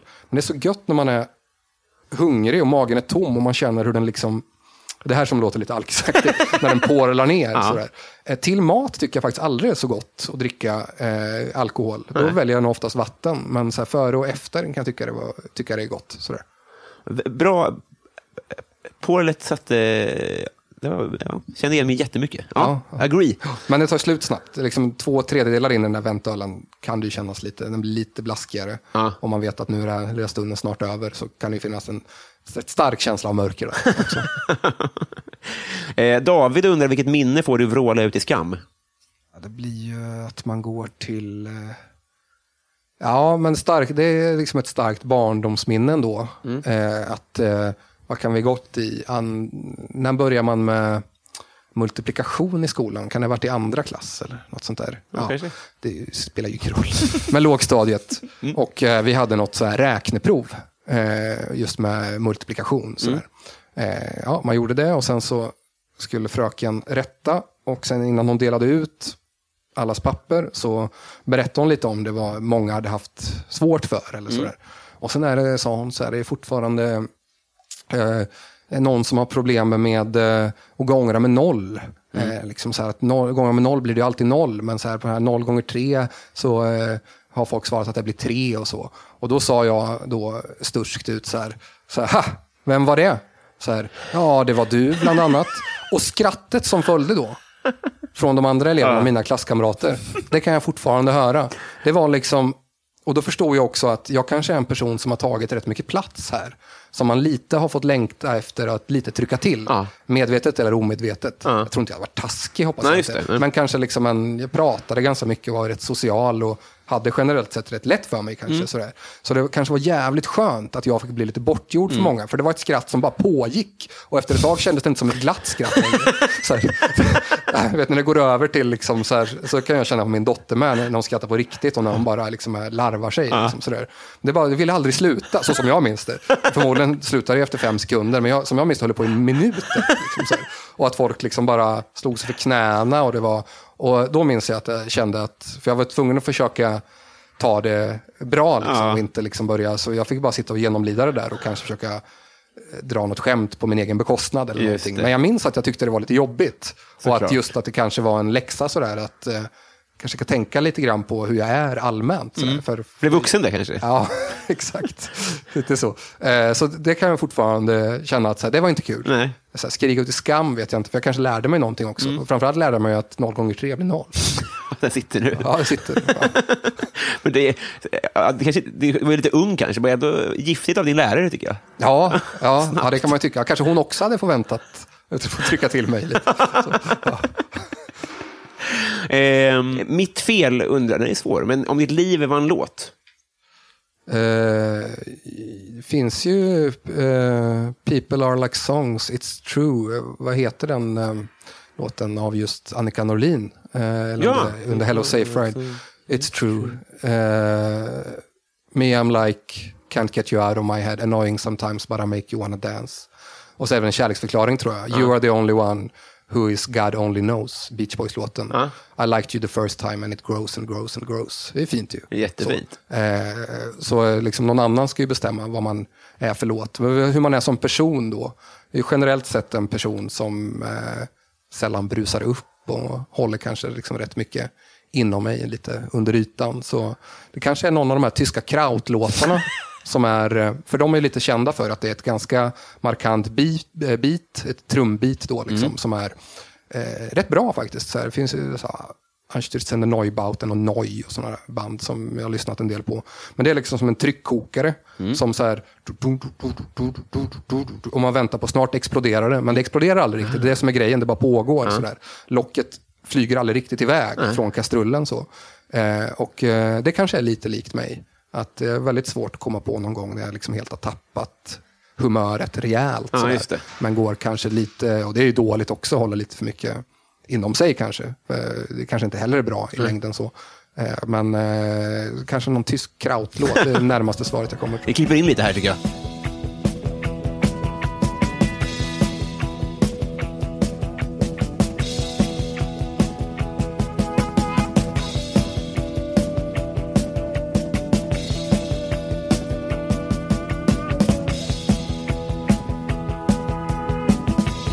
Plynnis, hon undrar vad känner du för Felicia Jackson? Eh, Det här blir ju, vem är Felicia Jackson? Det är inte så konstigt. Hon, alltså det, det, det, det är det vanligaste svaret nästan. Ja. Så, förutom när jag intervjuar. Det- Hon är en, eh, en komiker. Ja, be om ursäkt till Felicia Jackson att jag inte hade koll. Men ni är så många Ja, jag vet. numera. Ja. Förr fanns det liksom Adde Malmberg man behövde ha, koll på. Vad känner du för honom då? Nej, jag har respekt för honom tror jag. Eh, sådär. Då var han nog, är det inte, det borde väl du svara på, men har inte han gjort någon slags resa, sen Schyffert sa att han är kung så förstod folk att han har gjort mycket för svensk humor. För ett tag var det väl mycket, det här känns väl lite Adde Malmberg. Aha, var han inte jag förstår, ja. Så här, så här, minns att det kunde sägas på Expressen om sådär, när någon skämtade dåligt. Eller sånt där. Så här, Adde jävla Malmberg. Men jag tycker mig ha märkt från ditt skrå sådär, att hans eh, respekt har växt med åren. Så är det nog. Ja. Dels för att han gjorde mycket kanske för svensk. Det är roligt att jag sitter och berättar om svenska humorscenen. Men jag är lite intresserad av den. Sådär. Eh, Men att han dels har gjort mycket för den och kanske också eh, faktiskt var roligare än vad de ville erkänna. Så är det nog, ja. Eh, Men Felicia Jackson har uppenbarligen missat då. då. Så eh, jag har inte så mycket att säga om henne då. Nej, det blir, det blir fler chanser Ja. att lära känna. Men jag får kolla upp. Eh, på samma tema här. Då snackar vi övergång. Marcus Wäterleinen undrar vem som är Sveriges mest underskattade komiker. Oj. Eh, det är risk att om jag säger någon komiker jag gillar så är den förmodligen inte underskattad. För en sån koll har jag inte utan förmodligen ganska känd. Mm. Och det är konstigt om jag sa, jag tycker Jonathan Unge är rolig. Och han är ju förmodligen inte så underskattad va? Jag, jag, jag, jag fattar vad du menar, men Ja. det beror ju helt på vilken Det blir lite infallsvinkel man svårt har. för mig att dra fram ett indienamn. Liksom, såklart. Den pressen kan du inte riktigt sätta på Nej. mig. Sådär. Eh, men, eh, men jag gillar ju, jag vet inte, och, eh, underskattad känns för fel här med, men en gammal kollega till mig som jag sadlat om har blivit komiker är Ina Lundström. Mm. Eh, hon var ju, eh, för jag jobbade, hon var praktikant på Offside en gång i tiden Mm. och har även jobbat för lite andra tidningar inom vår lilla koncern, Mm. känns ju för stort att kalla den, men firma då. Mm. Eh, och verkligen en person som var alltid roligast på festen. Så, Ja. eh, så det var väldigt kul att följa henne, att hon har satsat på det och verkar gå bra. Och, jag tror inte hon är underskattad, men kanske har fler kvar att upptäcka henne då, i alla fall. Verkligen. Ja. Hon har varit gäst här, så att, eh, ganska många här har ju, har ju hört talas om henne, men det var fortfarande ett väldigt bra namn. Ja, absolut. Eh, jag håller helt med. Vem är annars, vem, vem, vem skulle nämnas bland er själva sådär? Ja. Eh, Alltså det, det, har- det har ju varit några, nu, har, nu är det flera som har lagt av också, men det, ofta är det så komikernas komiker som, liksom, som det inte har släppt för alls, Mm. men som kanske är rolig. Eh, ja. Det fanns ju det här uttrycket va, comics comic. ja, precis. Eh, ett tag sa man väl att Peter Apelgren var en sån va? Ja, just Så det, ja. Att, eh, nu känns det inte som att det stämmer för han, folk älskar väl att gå och se honom uppträda. Mm. Men ett tag, liksom, han var inte kändast men det var den som komikerna själva kunde skratta mest åt. Ja, typ, sådär. Eh, min kollega Anders menar ju eh, en gång att jag var eh, en sportjournalisternas sportjournalist. Ja. Att jag, alltså, jag får inte riktigt så priser och sådär, men alla andra sportjournalister tycker att jag är bra. Ja. Så att jag skulle vara någon slags Peter Apelgren-figur i Sportjournalist-Sverige. Men i den komplimangen ligger väl också, tänker jag, alltså så, här, så i alla fall med komikernas komiker, att, att den inte har någon, så att säga, relativ framgång gör att det är mycket lättare att skratta åt, för man känner ingen avundsjuka och bitterhet och sånt där. Nej, exakt. Precis. Vi- Podcasten Värvet undrar, eh, berätt, eller säger så här, berätta om något om dina föräldrar. Eh, det var ganska intressanta diskussioner vid eh, eh, här, matbordet hemma. För min mamma var polis och min pappa var advokat. Tjuv. Ja, det hade varit ännu mer intressant. Här, ibland var han iväg. Nej, han var småstadsadvokat. Ja. Och Motala jag kom ifrån var inte så stort. Så ofta liksom hade de att göra med samma folk. Busar, eller vad man ska säga. Och då liksom tog kanske mamma polisens perspektiv. över, Medan pappa ofta aktat sig. Han är egentligen en bra kille innerst inne. Och nu har han träffat tjej. Och liksom, han vill ju bara väl. Liksom sådär. Och det var rätt, kan man skratta åt. Men det var ganska nyttigt tror jag. Sådär, att kunna få liksom båda perspektiven så. Eh, så de hade väldigt mycket så här, pratar väldigt mycket om sina jobb. Det låter ju tråkigt när man säger så, men på ett sätt som kunde göra att man som barn även blev eh, intresserad mm. av det och fick lite så indirekt kanske kunskap om ett och annat som skolan inte berättar. Mm. Så här, farsan hade jättemycket asylfall. Ja. Jättemånga sådana som ville ha uppehållstillstånd i Sverige. Och framförallt när jag var liten var det kanske under Balkankriget. Ja. Och där var ju skolan helt värdelös. Vi kunde liksom sitta liksom, i skolan och än en gång lära oss om svenska kungar från 1500-talet. Eller om svarta veckan före första världskriget. Mm. Men det sades inte någonting om vad som samtidigt hände eh, på Balkan. Mm. Liksom att eh, det här otroligt hemska kriget som var ganska nära och som plötsligt så började då dyka upp folk, barn, mm. eh, som har flytt till Sverige. Och eh, man ser dem, det är tre personer i fotbollslaget plötsligt som heter Edin, Adnan och Eldin. Mm. Och de äter inte korv på avslutningen utan har någon egen korv. Eh, och man pratar lite med dem och genom, hade jag inte haft, det är därför jag är så förtjust i föreningsliv också tror jag. Mm. För att här, skolan var helt värdelös och inte någon gång kunna prata om vad som händer nu. Liksom. Mm. Och vad det är för, för effekter. För, det kunde ha gett oss jättemycket också kanske i form av tolerans mm. eller sådär. Att, begär ju inte att läraren ska veta allt, men man kan väl bara prata lite om vad som står i tidningen ibland. Mm. Och kanske skita i Erik den 14 någon gång. Liksom så. Kanske är skillnad idag, hoppas jag, men när jag gick i skolan var det rätt mycket så. Eh, och för den kunskapen jag lärde mig liksom om kanske lite vad som hände eh, utanför både Motala och Sverige och hur det sen, för det påverkar ju en sen, det kommer hit folk sådär och mm. vad är det för några? Det var dels liksom att jag spelade fotboll, att man därigenom lärde känna de här personerna. Det hade man inte gjort annars. Nej. Och lite genom att pappa hade liksom många av de fallen. Sådär. Mm. Eh, så på så sätt hade de yrken som gjorde att jag tror att, som var bra för mig. Sådär. Mm. Att man kunde, alltså jag var inte intresserad av hans jobb så, men det är lite som passiv rökning. Sådär, att indirekt så kunde man ta till sig lite saker. Mm. Så. Eh, så på så sätt var det skoj. Skoj. Intressant. Eh, men eh, intressant. Det här med skolan, alltså. var, var det, var, tror du att det var polariserat? Varför, varför tog man inte i sådana ämnen? Tror du? Jag tänkte inte på att det var konstigt då förstås. Nej. Gick i fyran eller femman eller något sånt där. Men det plötsligt, och sen skulle de här slussas in i skolan också. Det kom ju många. Mm. Eh, och Först fick de gå någon förberedande klass eller sånt där tror jag. Och då fick flera av dem göra det i någon liten barack som låg på samma skolområde. Mm. Och liksom plötsligt, ja det är eh, Eh, vad de nu sa. Liksom, så det är nya från Jugoslavien som sen kanske ska börja. Nu går vi vidare, men nu har vi bild här. Nu ska vi se vem som kan rita den finaste lökkupolen. Eh, att det tycker de var helt värdelösa. Mm. Det kan ju bero på bra eller dåliga lärare. Sådär. Mm. Men att man kanske hade överhuvudtaget tror jag att man vunnit på att prata lite mer om vad som hände här och nu. Mm. Och, och göra det på ett intressant sätt. Och inte bara att nu är det val i Ryssland då blir det tråkigt. Liksom. Ja, Men en sån där som påverkar en tolvårings vardag, mm. personer man träffar, andra barn. Liksom. Att vara så dålig på i alla fall kunna ge någon förklaring till varför är de här? Vad, vad har de eventuellt varit med om? Eller, eh, och vad kommer hända nu? Och så där. Att det hade ju kunnat ge rätt mycket kött på benen kanske ja. för folk som blir vuxna sen. Och så där. Det här var ju också lite i sådär Ultima Thule-tider. Och, ja. så. Ja, men det var min, min tanke. Var det för att man var så rädd att ta ställning eller så här, få skit av rasseföräldrar eller något? Ja, det, det ska inte jag svara på, men kanske liksom också, jag hade ju någon slags all, bra och dåliga lärare också. Mm. Jag hade liksom någon bild när man var liten att lärare var supersmarta människor mm. som är liksom någonting eget. Så. Mm. Men så var det såklart inte alltid. De Nej. kanske inte heller någon gång tittade på nyheterna. Nej, just det. Eller läste en tidning. Nej. så det kan ju ha varit okunskap också, men han borde funnits en rektor som kan ändå märka att det här är en ganska stor förändring som sker nu och som påverkar barnen. Så där, att det kanske går att göra någonting liksom, i alla fall mm. för att dels få dem att känna sig välkomna men också vi som redan fanns där få någon liten förståelse för liksom, vad som plötsligt håller på att hända. Så där. Uh -huh. liksom, I fotbollen eller föreningsliv sker sånt naturligt för det, där träffar man ju människor. Uh liksom, så där. Men de som inte spelar i lag såg ju bara de här. Ja. Så. A. Williamson säger så här, du har fått nycklarna till den lokala biografen och ska där maximera intäkterna under 24 timmar. Vad gör du? jag behöver alltså inte visa någon film då? Nej, du får göra vad du vill. Men gud, Folkets vilken typ. komplex typ. fråga. Eh, jag kan liksom sätta upp någonting då. Alltså är tanken att jag ska, att jag ska locka dit så mycket folk som möjligt? Ska ta in så mycket pengar som möjligt? Mycket pengar som möjligt. Bordell. Ja, men det är inte så dumt. Ja. Det är nog bra marginal på om inte annat. Ja, kanske. Mm. Eh, man skulle väl vilja ha någon slags endagsfestival för något gott syfte. Mm. Och kunna, jag känner ju ändå lite folk med pengar. Mm. Övertala någon av dem att komma dit som eh, jag har donerat en miljon här till Mm. detta syfte.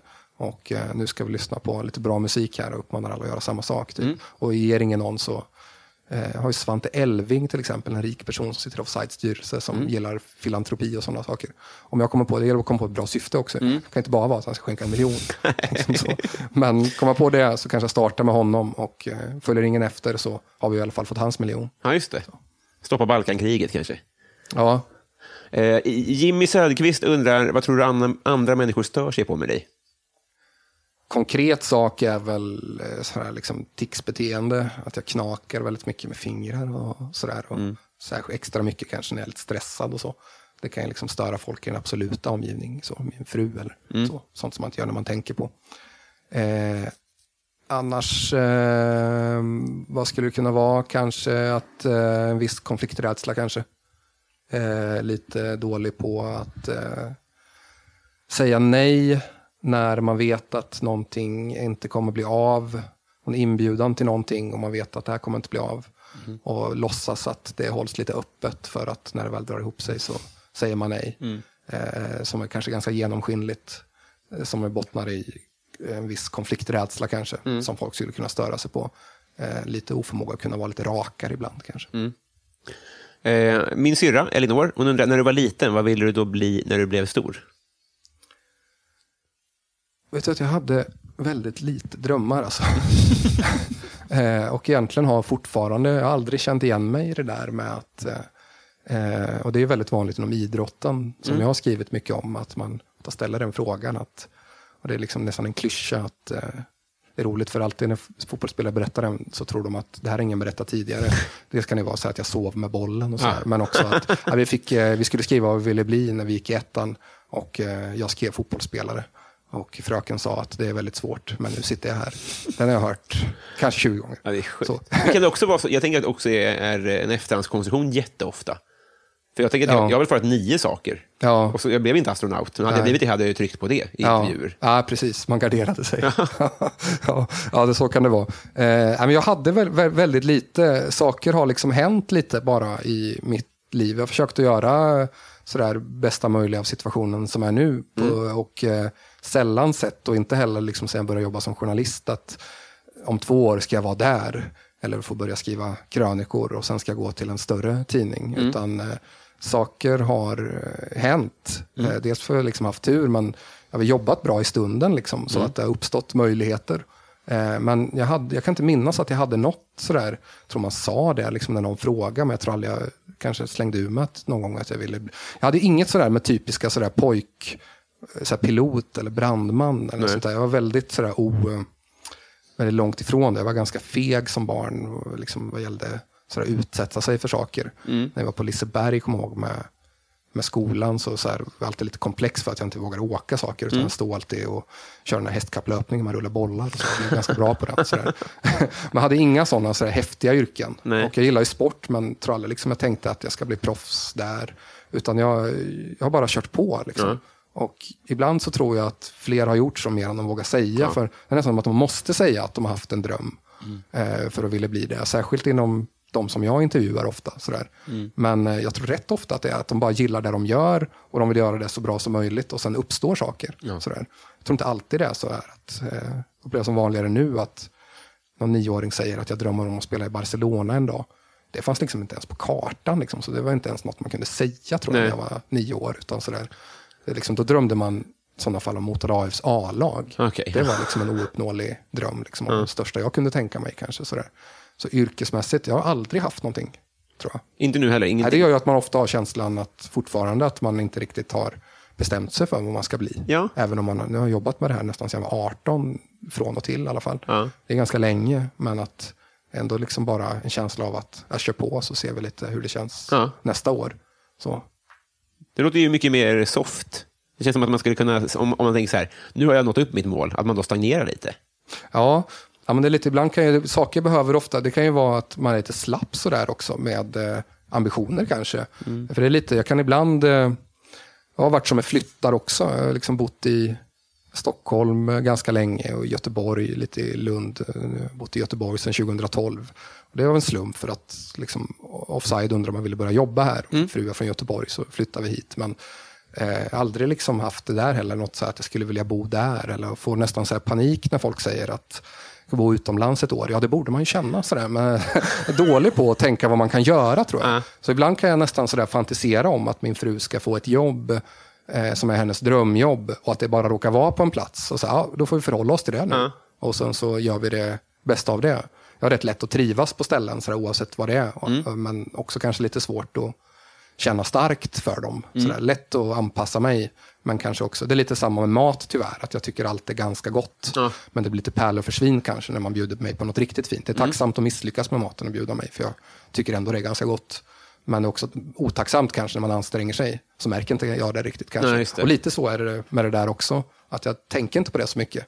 Eh, vart man råkar bo eller det är klart man gör det om det är ett råtthål. Liksom. Mm. Men i stort så aldrig haft så här dröm där heller med att där skulle jag vilja bo. Och alltid så där, min stora syster har ofta pressat mig på det här. Så vad, om du fick bestämma själv, liksom, vad, vad, vad gör du om fem år? Uff, Lägg av! Liksom, jag, jag får panik av sådana frågor. Så där. Imorgon ska jag skriva en text om den gamla Blåvittbacken Kjetil Wähler, det är vad jag vet. Liksom, sådär. Och sen får, vi- gör jag det bra kanske jag får skriva en annan text. Så. Eh, att jag har aldrig gillat sådär och Nej. tänka på vad det ska bli sen. Det händer ju feta grejer ändå. Ja, det gör ju lite det. Och kanske om man ska bli riktigt platt filosofiskt så kanske man kan vara lite bättre på att ta in det som sker nu då. Kanske. Ja, det låter ju eh, troligt. Eh, John Ender undrar favoritkuriosa. Alla kategorier. Stort fält. Det är det de har så... De, de, de, när man får ställa en fråga här så vill man ju... Ja, alltså, det är intressant hur de väljer att fokusera. Liksom. Ja, favoritkuriosa. Eh, sånt är ju också ganska populärt att ta upp inom min bransch. Någon eh, fotbollsspelare som alltid hade liksom som någon knasig rutin att också gjorde det där. Men eh, jag kanske blir första frågan, jag får be om lite betänktid och får gå vidare på nästa. Eh, Den ställde mig fullständigt. med favoritkuriosa. Hela världen är ju full av ett, ett kur- kuriosa-kabinett. Liksom så. Eh, Man bara ska, det, det där är ju ofta väldigt svårt när det blir nu är jag ytterligare en fotbollsreferens då, men att eh, man pratar, pratar om att vara kreativ på planen och sådär. Eh, och där kan jag känna igen mig även när jag skriver. Så är det ofta, alltså Torbjörn Nilsson, den gamla IFK Göteborg-spelaren, sa det, att han, han var då känd för att vara en ganska elegant spelare. Eh, han gjorde mål och han kunde göra dribblingar och framstod som väldigt fri sådär på planen. Men han sa att han var väldigt beroende av ramar. Sådär. Inom ramarna så kan han vara fri. Om någon säger åt gå bara ut och spela så var det mycket svårare. Och det är lite samma om jag får, såhär, du får skriva en text till Offside imorgon, skriv om precis vad du vill. Det skulle förmodligen låsa sig. Men skriv en text och gör det så bra som möjligt om Marcus Rosenberg. Då har jag något att gå på. Även det är nästan för brett. Det enklaste är ju sådär, skriv en text om Marcus Rosenbergs eh, nickteknik. Eller, något sånt där, eller något bara fånigt. Eller om eh, hur du tror att det blir när han lägger av. Eller någonting som är smalt. Ja, precis. Då har man nästan lättare att vara kreativ i det. Så den här frågan blev liksom sådär, hade jag fått frågan sådär, ditt favoritkuriosa från och så något väldigt begränsat så Ska jag prova det då? nästan lättare att tänka, ja om en stund, gå vidare med nästa fråga först.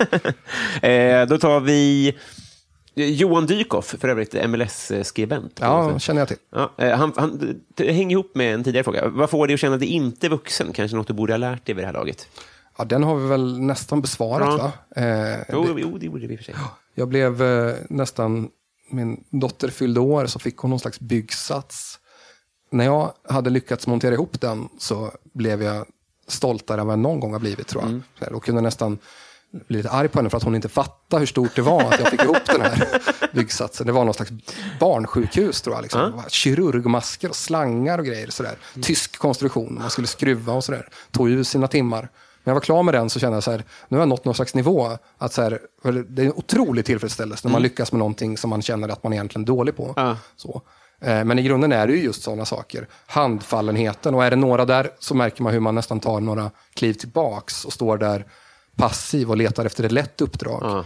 Det är nästan som, jag, vet, jag hörde att här, personer som är i chock, till exempel efter en trafikolycka, eh, men som kanske ändå inte allvarligt skadade, men de är i chock. Det är bra att ge dem någon helt meningslös uppgift för att få något så här. Det är viktigt att du går och räknar de där kottarna som ligger där. Kan du göra det? Absolut. Så där. Och, så där. och den positionen tar man ju gärna när det ska liksom fixas för något stort kalas, pyntas och kanske pysslas lite. Och sådär. Så, så här, jag kan hacka lök. Ja. Eller du vet, sådär, någonting väldigt konkret som man känner att eh, man klarar av. Liksom, Ja. Och också så att man känner att alla andra är så naturliga i det här. Förmodligen kan ju andra uppleva samma sak med, för mig, jag, alltså jag har stått på så många med kompisar som har skrattat åt att jag är så klantig liksom, och inte kan få ihop grejer. Eller jag, kan, jag har liksom problem att få på mig en väst, liksom en sån idrottsväst sådär, som Balotelli hade. Sådär, att det är roligt. Det, det, ser, de kan ju inte förstå det. Nej. Och jag kan ju inte förstå någon som inte alls har bollkänsla. Det kan inte jag förstå hur Nej. boll... Alltså hur, du ser ju att den kommer... Hur kan du inte fånga den? Mm. Sådär. Det är svårt att sätta sig in i den andra. Sådär. Så tänker ju folk om mig då, när jag står där. att Men du ser ju på ritningen, skruven ska bara in där. Och du bara står och tittar på den där i 20 minuter. Vad, vad är det? Är du lite, är du, jag kan inte förstå det här. Och så kan jag känna också när jag kastar ett par nycklar till någon. Och någon bara så här, så här men vad gör du? Så här, du ska ju bara fånga nycklarna. Så där. Det är för att det är svårt att sätta sig in i, i hur det kan vara. Ja, liksom, exakt, sådär. exakt. Så det är ju sådana situationer. Sådär. Vi tar... Eh, du får tänka en till då, ska vi säga så? Mm. Och sen så tar vi... Eh, Det är ju en känd, men jag kanske kan ta den som kuriosa ändå. Det är väl ändå om eh, bröderna Dassler kanske. Eh, De tyska bröderna som då bildade, startade företaget Adidas. Eh, heter, heter de Horst och Adi eh, Dassler, tror jag. Eh, två bröder i en liten, liten tysk stad. Och så blir de osams. Och eh, den andra brorsan bildar då Puma istället. Den är ändå eh, svårslagen i sin sådär. Så hur gick det för brorsan då? Han bildade Puma. Så. Eh, sen vet jag inte hur mycket som stämmer, men det har gjorts här reportage om hur den där lilla staden blev helt uppdelad i de som bara bar Puma och de som bar Adidas. Ah. De var liksom livsfiender, de här bröderna, för resten, för resten av livet. Ah. Och hur folk valde parti. Liksom, sådär. Och såg man en med Adidas-kläder så skulle en Puma inte prata med den. Och så. Eh, det ska jag låta vara lite osagt hur mycket som är saltat där. Ah. Men att de hade den där fejden och att han bildade Puma istället stämmer ju definitivt. Ah. Och den, den är jag rätt förtjust i som kuriosa. Svindlande alltså. Ja, Det är kul att tänka sig om man skulle gå runt där och sånt där. att- att- Då kan man tänka sig att Adidas-människor är en viss typ av människor. Man pratar som man pratar om Hammarbyare eller något sånt där. ja, precis. Ja. Men det är bara ett sportmärke. Ja. Ehm, eh, Fredrik Gustafsson undrar vilka som är dina, fo- dina fotbollslag. Eh, ja, det är väl, ärliga svaret är nog bara att det är mitt gamla egna lag, Motala AIF tror jag, som harvar på i division 2 inför eh, försvinnande få åskådare. Blev ledsen här, fick ett vittnesmål från en målvakt i Enskede. Eh, vi pratade i, för något avsnitt sen i vår podcast om eh, att det ofta, förr så var det standard, särskilt kanske på lite lägre nivå, i alla fall nedanför allsvenskan, att i omklädningsrum stod det alltid en läskback där. Eh, som en snygg gest till motståndarna att efter matchen kan ni ta en sockerdricka. Det skulle aldrig vara Cola, Fanta och Sprite så, utan det skulle vara en sån blandad som man köpte på Ica Maxi eller Willys eller något sånt där. Med de här- B&V. Ja, precis. Du vet sådär liksom Loranga, Cuba Cola, eh, kanske en Grape Tonic. Står så. Eh, och så slängde vi ut frågan då, liksom, kan inte ni komma med lite vittnesmål, ni som spelar fotboll runt och lägerserien. Hur ser det ut? Finns det fortfarande drickabackar? Och då var det en målvakt i Enskede som spelar i samma serie då som mitt Motala AIF som sa att Motala var absolut sämst i hela serien. De erbjuder bara Ramlösa, dessutom utan någon smak. Eh, jag vet inte om han var reservkeeper också, men då tycker man ju extra synd om honom. Att han inte ens fick läsken. Eh, Motala AIF är den enda klubb som jag verkligen sådär bryr mig om hur det går. Eh, resten har jag antingen inte brytt mig om eller tappat känslor för. Eh, längs vägen. Vi har blivit kompisar. Ja, vad trevligt. Ja, Det är så här det går till nämligen. ja gud vad härligt. Ja. Ehm, vi ska knyta vänskapsband vad det lider. Hur, hur, hur förvaltar vi den här vänskapen då? Har du Eh, förslag? Ja, jag tror att eh, du är kanske den som får ta ansvaret för att eh, vara den som hör av sig Deal. eh, lite oftare. Eh, jag har inte så många kompisar, det lät ju väldigt deppigt när jag sa det, men det stämmer lite. Jag har några kompisar som jag få som har varit kompisar med väldigt länge, som går långt tillbaks och som är väldigt nära. Och det har ju varit en lycka att ha såklart, personer man kan vara helt avslappnad med och vara, göra bort sig inför. Och, eh, ja, som vet allt om en. Så. Nackdelen är kanske att man blir lite dålig på att släppa in nytt folk då. För att ribban har satts på något sätt rätt högt för. Och då orkar inte jag gå och ta så här, halvfikor, men även om de är trevliga sådär. Så, eh, och jag har ett stort behov av att vara själv ibland också. Så.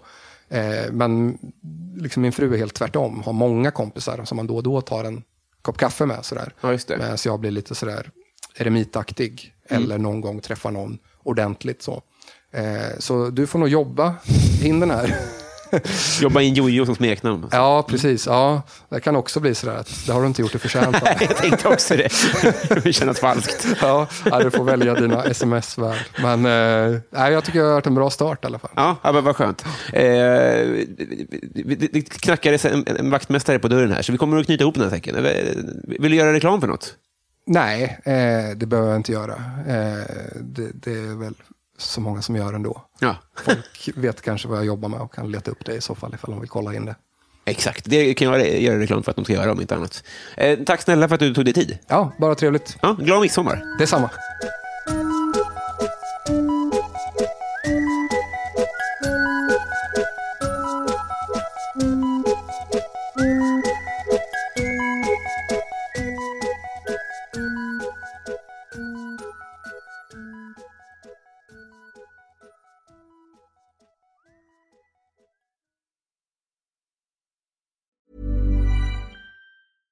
Flexibility is great. That's why there's yoga. Flexibility for your insurance coverage is great too. That's why there's United Healthcare Insurance Plans.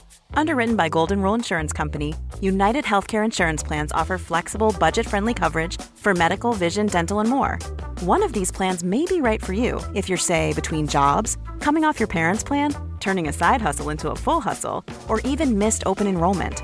Want more flexibility? Find out more about United Healthcare Insurance Plans at uh1.com. Even when we're on a budget, we still deserve nice things. Quince is a place to scoop up stunning high-end goods for 50 to 80% less than similar brands. They have buttery soft cashmere sweaters starting at $50, luxurious Italian leather bags, and so much more. Plus, Quince only works with factories that use safe, ethical, and responsible manufacturing. Get the high-end goods you'll love without the high price tag with Quince. Go to quince.com slash style for free shipping and 365-day returns.